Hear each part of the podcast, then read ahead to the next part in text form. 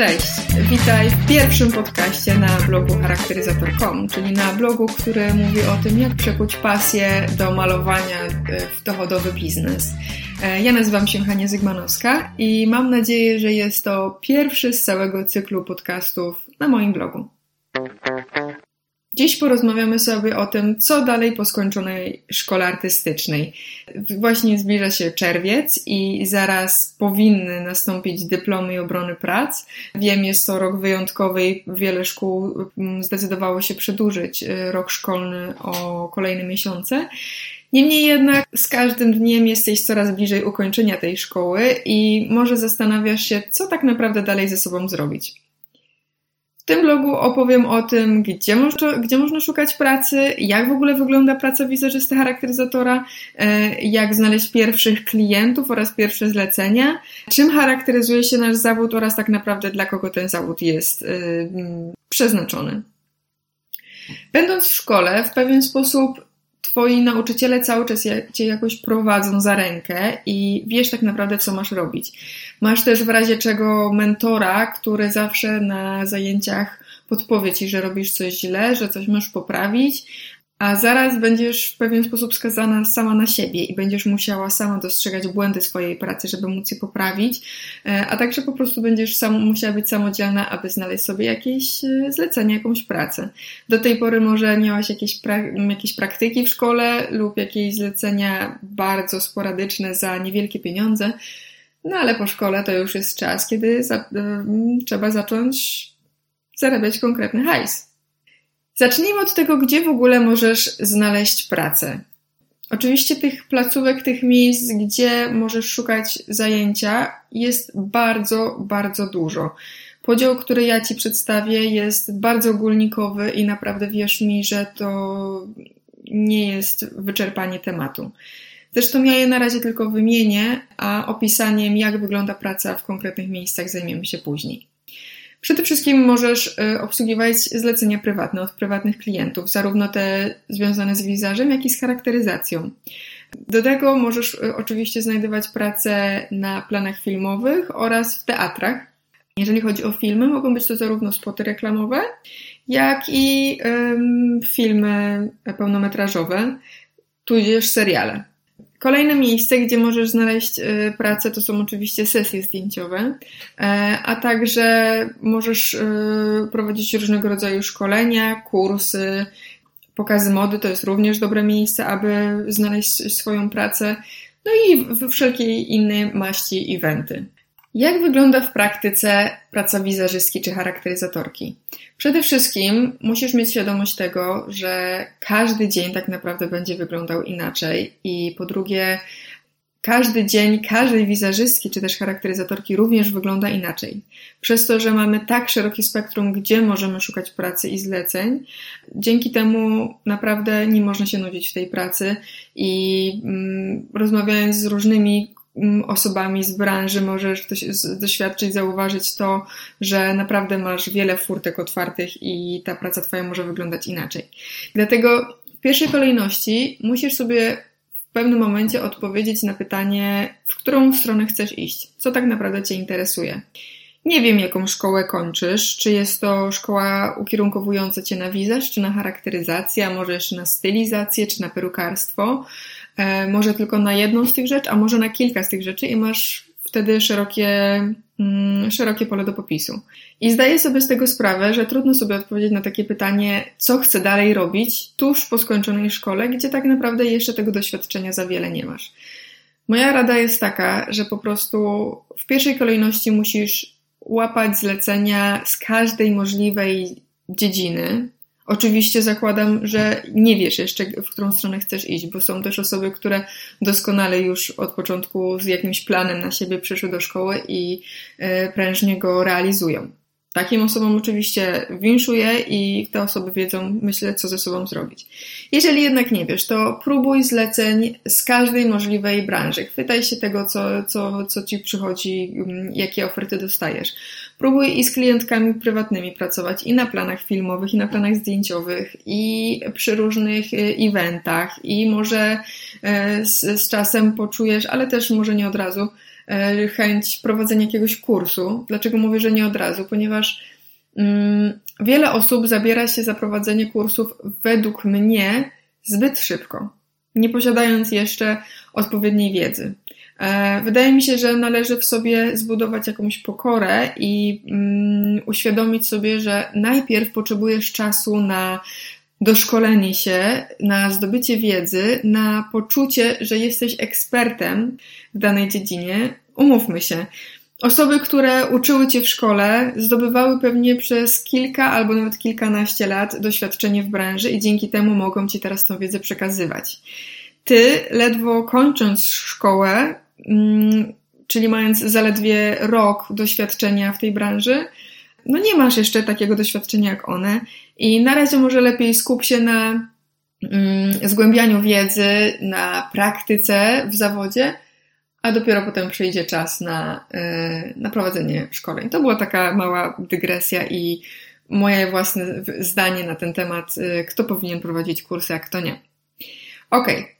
Czyli najpierw y, gdzieś tam po drodze powinnaś sobie y, odpowiedzieć na pytanie, co tak naprawdę cię kręci i gdzie szukać y, pracy i w jakim kierunku chcesz pójść. Ja nie mówię, że to znajdziesz w przeciągu tygodni albo miesięcy, zaraz po szkole i odpowiesz sobie na to pytanie. Możliwe, że czasami to dopiero odkryjesz po kilku latach, a po kolejnych kilku latach możesz stwierdzić, że chcesz się przebranżowić i skupić może na czymś innym. Jest to jak najbardziej w porządku, jest to jak najbardziej oczywiste i normalne i nie ma nic z tym złego. A czy w ogóle wiesz, ile powinien trwać taki standardowy makijaż dla prywatnej klientki? Myślę, że zlecenia od prywatnych klientek są na tyle rozpowszechnione i jest to taka, myślę, największa, najszersza grupa docelowa, że nawet osoba, która, mm, nie wiem, jest nastawiona na plany zdjęciowe i y, sesje zdjęciowe do powiedzmy magazynów modowych, tak czy siak jej również mogą zdarzyć się prywatne klientki, które poproszą ją o makijaż. Prywatne klientki to są zarówno ja, ty, Gosia, Ola czy Monika, ale równie dobrze mogą być to celebrytki, które przyjdą do ciebie e, z prośbą o makijaż, na przykład wieczorowy na jakąś galę czy jakąś, jakiś inny event. E, no to dobra, to ile powinien trwać taki standardowy makijaż? Musisz pamiętać o tym, że makijaż nie powinien być ani za długi, ani za krótki, z takiego choćby psychologicznego punktu widzenia. Jeżeli będzie on za długi, e, a co mam na myśli za długi? Myślę, że za długi makijaż to jest już półtorej godziny wzwyż. Twoja klientka będzie się już trochę niecierpliwić. E, będzie już niespokojna i będzie możliwe, że się będzie zastanawiać, dlaczego to tak długo tobie trwa, dlaczego aż tyle potrzebujesz czasu. Zresztą wielokrotnie te osoby po prostu nie mają aż tyle czasu, bo skoro malują się na jakieś konkretne, e, jakąś konkretną imprezę, to znaczy, że mają jakiś powiedzmy deadline, bo na przykład czy to wesele, czy to jakaś impreza wieczorna, cokolwiek by to nie było, zaczyna się o którejś godzinie i na tę godzinę muszą być one gotowe. E, nie może być on też za krótki, ponieważ z kolei wtedy Twoja klientka poczuje się troszeczkę, mówiąc kolokwialnie, niedopieszczona, że potraktowałaś ją po macoszemu i poszło ci to trochę za szybko. Co to znaczy za szybko w makijażu? Myślę, że to jest jakieś 20 minut. Oczywiście są sytuacje, kiedy ten makijaż musi tylko tyle trwać, i, ale to są sytuacje, kiedy jakby z góry um, ustalasz to z daną osobą, że faktycznie błyskawiczny makijaż, ponieważ mam tylko tyle i tyle czasu e, i ty wtedy e, robisz wszystko, żeby stanąć na wysokości zadania e, i pomalować panią w odpowiednim, w odpowiednim czasie. Te widełki czasowe, które określiłam, dotyczą tak naprawdę wyłącznie tego makijażu, właśnie takiego na zlecenie dla prywatnych klientek, ponieważ na planie zdjęciowym, planie filmowym sytuacja wygląda już zupełnie inaczej, czy też w teatrze. Wielokrotnie w przy produkcjach filmowych masz jeszcze mniej czasu na pomalowanie danej osoby. Mówię tutaj na razie o makijażach, bo charakteryzacje wiadomo z, z reguły zajmują trochę więcej czasu. Jeżeli chodzi o zwykły makijaż, na przykład w teatrze, często masz na pomalowanie jednej osoby 15-20 minut i musisz też się z tym liczyć, że musisz mieć świadomość tego, że y, spektakl zaczyna się o konkretnej godzinie, na przykład o 19 i nie ma możliwości, nie ma opcji, żeby aktorzy nie byli gotowi, nie byli pomalowani na tą godzinę. Więc ty już z góry musisz sobie rozplanować i tak rozdysponować czas, żeby wiedzieć, że na pewno wszystkie osoby, za które ty jesteś odpowiedzialna, będą pomalowane na czas. Z kolei na planach zdjęciowych, jeżeli chodzi o sesje modowe, niejednokrotnie zdarza się tak, że pomimo, że masz e, jakiś plan rozrysowany, czego dotyczy sesja, jaki, e, jakie będą kostiumy itd., tak itd., tak często ten makijaż troszeczkę powstaje spontanicznie na planie i musisz być wtedy elastyczna na ewentualne poprawki, zmiany, tak aby to wszystko e, dobrze się komponowało. Fryzura, kostium, żeby dobrze wyglądało w obiektywie. Więc niejednokrotnie wygląda to tak, że w trakcie zdjęć musisz dokonywać jeszcze jakichś poprawek, retuszu. Tak również się zdarza. Tutaj, jeżeli chodzi o makijaż, to z kolei odwraca się troszeczkę yy, kolejność, ponieważ tak jak yy, malujesz klientkę prywatną na jakiś, jakąś imprezę, to zazwyczaj jest to właśnie powiedzmy ta godzina makijażu, yy, a później idzie na event, który trwa ileś godzin. A z kolei na planach zdjęciowych często jest na odwrót, że te przygotowania, makijaż, fryzura i przymierzanie kostiumów trwają znacznie dłużej niż ta, te, ten docelowy proces jakby, czyli robienie zdjęć. Potem zdjęcia okazuje się, że trwają na przykład 10, 15, no dobra, 30 minut, w zależności też od y, zdolności fotograf- fotogenicznych y, modelki oraz od oczywiście zdolności fotografa. To samo z kolei na pokazie mody. E, na pokazie mody często panuje bardzo taka gorąca atmosfera i panuje często taki wieczny niedoczas.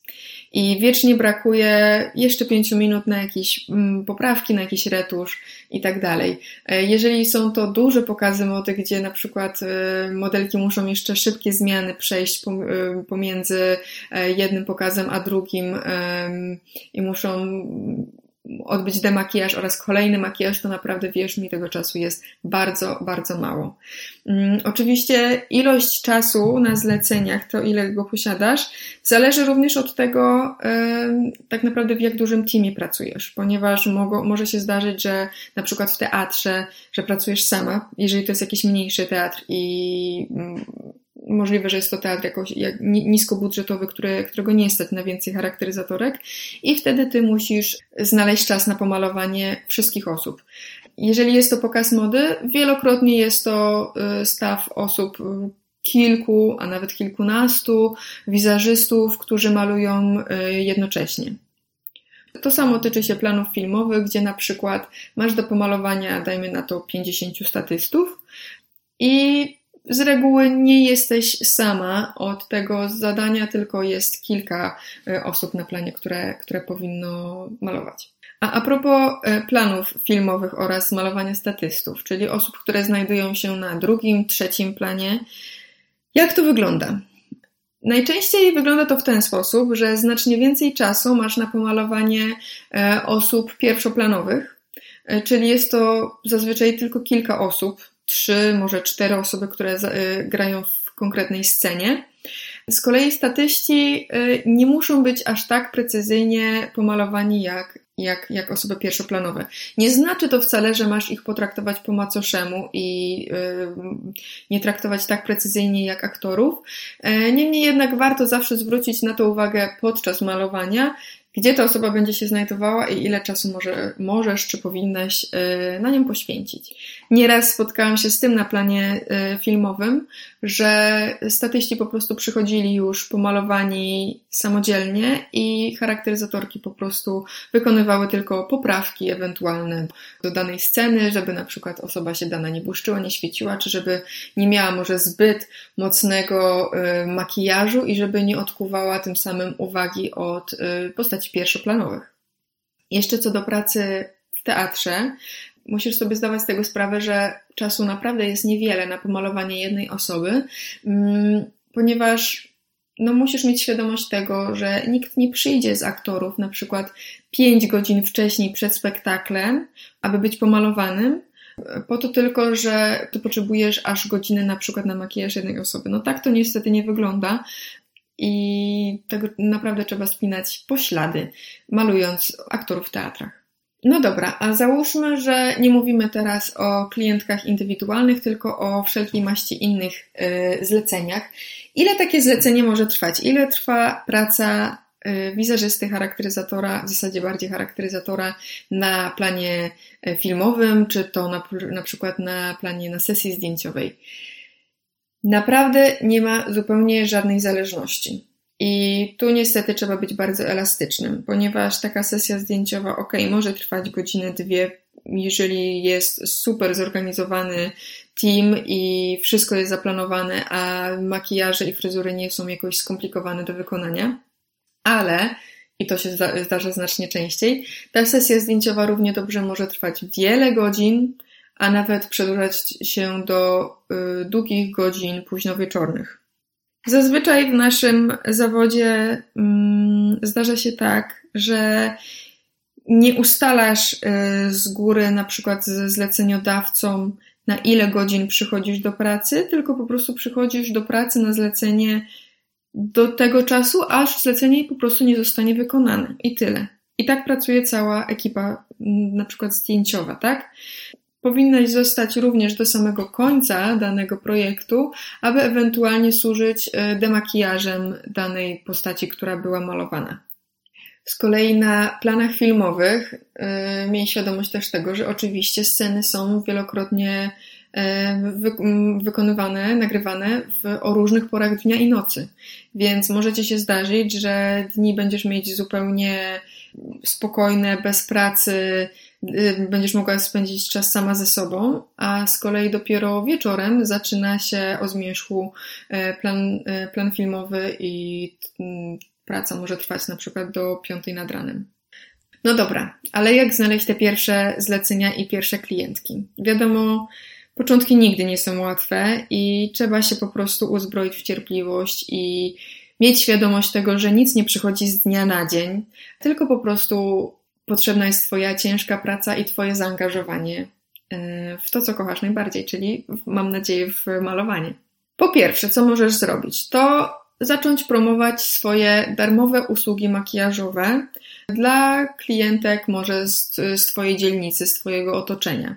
Moja propozycja jest taka, aby przy takim zleceniu, przy takim ogłoszeniu darmowego makijażu zaznaczyć również to, że jesteś dopiero tuż po szkole i budujesz swoje portfolio.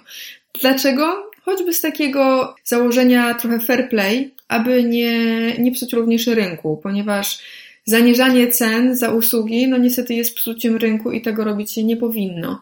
Więc osoba, która wybiera się do ciebie na makijaż, powinna mieć świadomość tego, kto będzie malował, że jest to osoba, która nie ma aż tak dużego doświadczenia, a również może mieć ograniczone, ograniczoną, ograniczony zasób kosmetyków, na jakich pracuje, bo wiadomo też, mm, nie wszystko przychodzi od razu i niekoniecznie musisz mieć pieniądze na y, zbudowanie całego bogatego kufra kosmetyków od początku. Dzięki takiej usłudze Twoje nazwisko rozpowszechnia się wśród y, osób, które są chętne na taki makijaż. Wiadomo, że najlepszą zawsze reklamą jest tak zwana reklama z ust do ust i jeżeli ktoś Ciebie poleci kolejnej osobie, to myślę, że jest y, najlepsze polecenie.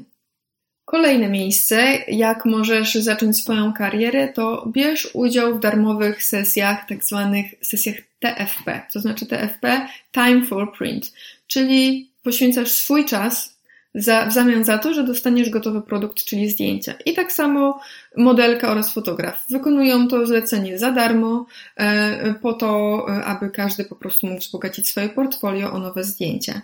Plusem takich sesji zdjęciowych jest to, że najczęściej są to sesje, których temat budujecie wspólnie, czyli możesz zrealizować swoje jakieś wizje, swoje pomysły, swoje koncepty na makijaż albo charakteryzację, a nie są one narzucone przez stricte Twojego jakiegoś zleceniodawcę. Dzięki takim zleceniom e, również poszerzasz swoje kontakty, ponieważ nigdy nie wiesz, kiedy taka osoba będzie potrzebowała wizerzystki albo charakteryzatorki na płatne zlecenie. Więc kontakty, kontakty, kontakty i jeszcze raz kontakty jest to coś, co zawsze warto poszerzać i zdobywać nowych znajomych z branży. Żyjemy tak naprawdę w dość prostych czasach, jeżeli chodzi o znalezienie e, zleceń, ponieważ kiedyś było bardziej popularne to, że mm, zlecenie dostawało się po prostu z polecenia przez kogoś, a mało było też jakichś stron internetowych, gdzie jak jakieś ogłoszenia można było zamieścić albo znaleźć właśnie, e, że ktoś potrzebuje mm, wizerzystki albo charakteryzatorki. W dzisiejszych czasach, kiedy bardzo dobrze prosperuje, dobrze funkcjonuje Facebook, gdzie znajduje się masa grup z ogłoszeniami, jest to znacznie bardziej uproszczone zadanie. Grunt, żebyś miała swoje y, małe portfolio, którym możesz się pochwalić, które możesz zaprezentować takiej osobie i takich ogłoszeń możesz znaleźć naprawdę wiele. A równie dobrze, jeżeli ty nie będziesz znajdować takich ogłoszeń, możesz również sama po prostu y, wrzucić informację o tym, że jesteś chętna do współpracy w grupie pod tytułem fotografowie i modelki, płatne zlecenia filmowe, czy wiele, wiele innych grup tego, tego typu. W naszej pracy raczej nie funkcjonuje coś takiego jak CV, e, więc możesz sobie podarować jego e, pisanie. E, raczej znacznie bardziej potrzebne jest portfolio, którym będziesz mogła się pochwalić, czyli po prostu zbiór zdjęć Twoich gotowych prac. No dobra, a w zasadzie to czym w ogóle charakteryzuje się nasz zawód? Z czym musisz się liczyć, jeżeli decydujesz się na pracę w tym zawodzie? To na pewno przede wszystkim to, o czym wspomniałam już na początku, czyli to, że musisz być bardzo elastyczna, przyjmując zlecenia.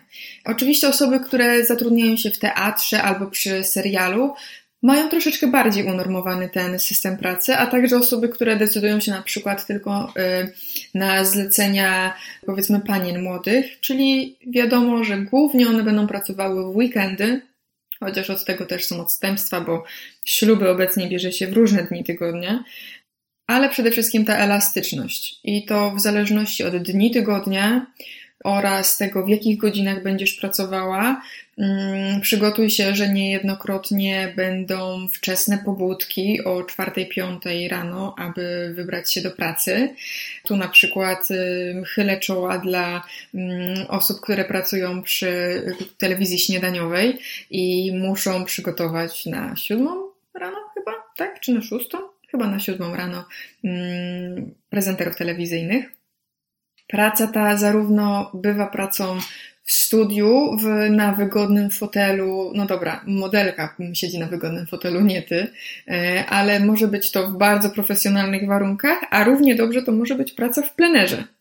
Tu tak na marginesie dobrze jest zawsze wypytać odpowiednią osobę, organizatora planu, e, o to, w jakich warunkach faktycznie będziesz pracować i na co się nastawić, i tak naprawdę dobrą odzież przygotować do danego zlecenia. Dlatego też e, ta praca nie zawsze jest związana z ładnym, eleganckim lookiem twoim, ale czasami, kiedy pracujesz w plenerze, tak naprawdę przydają się dobre, ciepłe buty, może nawet jakieś trekkingowe oraz ciepła puchowa kurtka i czapka na głowę. I to jeszcze czym się charakteryzuje się tym zawód i to akurat co ja kocham najbardziej, to to, że każde zlecenie to jest nowe wyzwanie. Rzadko zdarza się tak, że możesz faktycznie pójść według jakiegoś schematu i wykonywać w kółko tą samą pracę. Każde zlecenie to jest nowe wyzwanie, ponieważ wielokrotnie pracujesz z nowymi ludźmi. Wiadomo, będą się powtarzać modelki, będą powtarzać się fotografowie, czy fryzjerzy, czy reżyser, ktokolwiek, ponieważ to środowisko w Polsce nie jest jeszcze jakoś aż tak szerokie, ale umówmy się, każde zlecenie jest specyficzne, i do każdego zlecenia trzeba przygotować się tak naprawdę na nowo. A na koniec omówmy sobie jeszcze, jakie cechy powinna posiadać taka wizerzystka lub charakteryzatorka.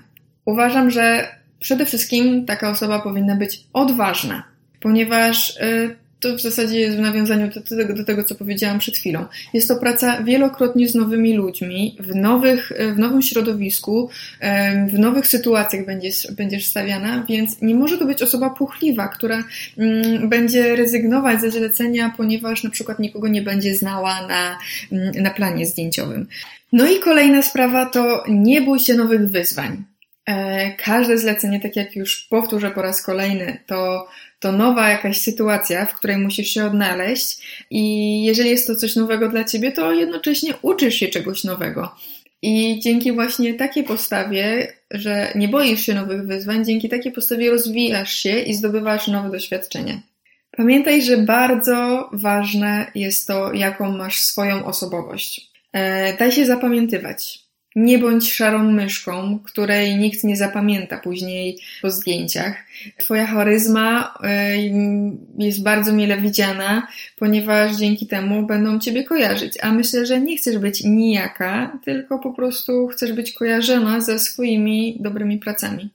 No i pamiętaj, nie unoś się godnością. Wielokrotnie na planach zdjęciowych czy to filmowych jest wiele dodatkowych, małych takich prac, które ktoś musi wykonać i czemu tą osobą nie masz być ty. E, najbardziej, szczerze mówiąc, nie lubię takiej postawy wśród e, wizerzystek czy charakteryzatorek, które trzymają kurczowo tylko swoich pędzli i uważają, że korona im spadnie z głowy, jeżeli mm, chwycą na przykład za blendę i pomogą fotografowi e, naprowadzić odpowiednio światło na twarz modelki, czy na przykład będą musiały e, robić za tak zwany wentylator, czyli machać jakimś tam, nie wiem, czymś, żeby, żeby wiatr powiedzmy był we włosach modelki czy nawet pobiec i gdzieś i załatwić coś, co nie jest wcale związane z malowaniem, ale jest potrzebne tu i teraz na planie zdjęciowym, naprawdę nie, nie ma nic w tym strasznego, jeżeli ty się za to zabierzesz. A wręcz przeciwnie, uważam, że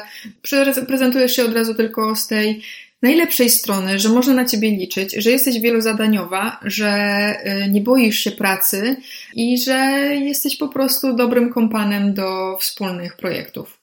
Co do pracy na planie filmowym, praca na planie filmowym, zresztą podobnie też jak na planie zdjęciowym, charakteryzuje się też tym, że ty masz swój poświęcony czas na wykonanie twojego zadania, a dopiero jak ty skończysz swoją pracę, czyli malować dane osoby, aktorów czy modelki, e, mogą przystąpić do pracy kolejni, czyli na przykład fotografowie, czy też e, reżyser i cała ekipa filmowa. No i to jest niestety taki czas, stety albo niestety, w zależności jak na to spojrzeć, kiedy ty tak, tak naprawdę nie masz za wiele do roboty. Tym się często charakteryzuje właśnie praca na planie filmowym, e, że masz bardzo powiedzmy dwie intensywne godziny przygotowań, malowania i praca pod takim, pod, pod presją czasu, Mm, a następnie dochodzi do nagrywania scen i wielokrotnie może być to tak, że przez kolejne dwie godziny nie będziesz robić nic, ponieważ no po prostu są nagrywane sceny. To takie w cudzysłowie nie robienie nic, to też e, no, różnie wygląda, ponieważ faktycznie czasami możesz zbijać bąki, a innym razem e, możliwe, że będą potrzebne oczywiście Twoje poprawki i choćby jakieś przypudrowanie, bo aktor się spoci, czy mm, nie wiem, czy, czy poprawienie, delikatne poprawienie makijażu. No nic, taka e, specyfika tej pracy i z tym trzeba się liczyć, że tak to właśnie wygląda. Kolejna cecha e, takiej idealnej, książkowej, powiedzmy, wizerzystki czy charakteryzatorki, to jest to, że masz w sobie chęć do kształcania się. Że chcesz e, zdobywać ciągle nową wiedzę i to zarówno na różnego rodzaju kursach odpłatnych, w których będziesz uczestniczyć, ale to również chodzi o dokształcanie się we własnym zakresie. To chodzi o czytanie odpowiedniej literatury, odpowiednich artykułów, to e, jest wertowanie prac, powiedzmy, światowej sławy artystów, aby się nimi inspirować. To jest śledzenie mody, śledzenie trendów. To jest tak samo właśnie branie nowych zleceń, e, które są dla ciebie wyzwaniem, na których się również dokształcasz, robiąc za każdym razem coś nowego. E, tą cechę trzeba posiadać, ponieważ mm, w naszym zawodzie niestety nie ma czegoś takiego, że raz się nauczysz w szkole i już wszystko wiesz. Nie. W tym zawodzie cały czas trzeba się y, rozwijać, mm, ponieważ y, moda, moda i technologie makijażowe, kosmetyczne tak szybko się zmieniają, że po prostu, aby być na fali, musisz za nimi podążać cały czas. Nie pal za sobą mostów. To jest taka też złota rada, generalnie bym powiedziała ogólnożyciowa, że mostów nie warto ze sobą palić. Nawiązuj kontakty z osobami z branży i podtrzymuj w razie czego te kontakty, ponieważ naprawdę miałam nieraz już sytuację, kiedy odezwał się do mnie ktoś po czterech czy pięciu albo nawet sześciu latach, kiedy w ogóle nie mieliśmy ze sobą kontaktu, nie współpracowaliśmy ze sobą mm, i ta osoba odzywa się do mnie, że ma dla mnie zlecenie. Dlatego naprawdę nigdy nie wiesz, kto i kiedy będzie ci pomocny kiedyś w przyszłości. Posiadaj koleżanki z branży. To jest super, super ważne. To tak troszeczkę w nawiązaniu do y, artykułu, który ostatnio pojawił się na blogu, czyli konkurencja w branży beauty. Zamiast generować konkurencję, to znacznie lepiej jest posiadać znajomych z branży. I to już nie mówię z branży filmowej, ogólnie pojętej, czy jakichś fotografów i tak dalej, ale wizerzystki i charakteryzatorki. Możliwe, że Twoje koleżanki ze szkoły, w której teraz się uczysz, a możliwe, że po prostu poznasz jakieś osoby na swojej drodze y, później. Mm, również y, sytuacje, które mi się wielokrotnie przytrafiały, to y, otrzymywanie zlecenia i od razu zapytanie od zleceniodawcy, czy ma Pani kogoś, kogo może Pani polecić, ponieważ potrzebujemy na przykład zorganizować zespół czterech wizerzystek. I tutaj oczywiście sięgam po moją listę koleżanek, za, y, za które mogę ręczyć, które wiem, że wykonują dobrą robotę i które są godne polecenia. A mało tego, może ci się przytrafić również tak, że później ta koleżanka poleci również ciebie i ona załatwi ci inne zlecenie. Jeżeli mówimy o dokształcaniu się, to mam na myśli nie tylko dokształcanie się wyłącznie z branży, w której jesteś specjalistką, ale także w pochodnych y, dziedzinach. Czytaj o historii sztuki, czytaj również o kulturoznawstwie, o historii ubioru. Mogą Ci się przydać również, również przydać się wiedza z dziedziny marketingu albo zarządzania, aby po prostu Twój biznes lepiej funkcjonował. Dlatego warto dokształcać się i rozwijać naprawdę na wielu, wielu płaszczyznach. No i na koniec ostatnia moja rada to jest nie kopiuj, nie upodabniaj się do innych, ale bądź sobą. Jestem bardzo uczulona na tak zwane klony na Instagramie czy na Facebooku, gdy widzę y, na zdjęciach osoby, które tak naprawdę wyglądają do siebie bardzo, bardzo podobnie. I ja osobiście tego nie lubię ale to jest moje zdanie, możesz się z nim nie zgadzać. Uważam, że znacznie większą wartość ma tworzenie swojej własnej osobowości, a dzięki temu też, też jesteś bardziej zapamiętywalna, a nie jesteś jedną z wielu. Trendy są po to, by się nimi inspirować, a nie po to, by je kopiować i w każdy jeden stosować na sobie. Pamiętaj o tym. Stąd też dlatego jest takie ważne to, aby mm, poznawać pracę jak największej ilości wiz wizerzystów czy charakteryzatorów osób z branży, ponieważ dzięki temu możesz stworzyć swoją własną osobowość. Nie jest wskazane to, aby mm, powiedzmy, nie wiem, zapatrzeć się na jedną artystkę i kopiować kropka w kropkę to, co ona robi. E, lepiej jest po prostu inspirować się wieloma osobami i e, wy, wyłapywać z każdej z tych osób to, co podoba Ci się najbardziej i yy, w ten sposób, jak takie klocki, układać Twoją własną osobowość, to Twój styl, to, co Ciebie wyróżnia w Twojej pracy. No i oczywiście Pewnie nie jedna z Was na początku drogi zastanawia się, jak zacząć wyceniać swoją pracę zaraz po skończonej szkole. No, jedno jest pewne. Na pewno te stawki będą póki co niższe niż to, co będziesz mogła e, wstawić do swojego cennika za rok, za dwa, czy nawet za trzy lata. Ceny się zmieniają wraz z Twoim doświadczeniem i e, z, z tym e, w zasadzie z czym jesteś kojarzona.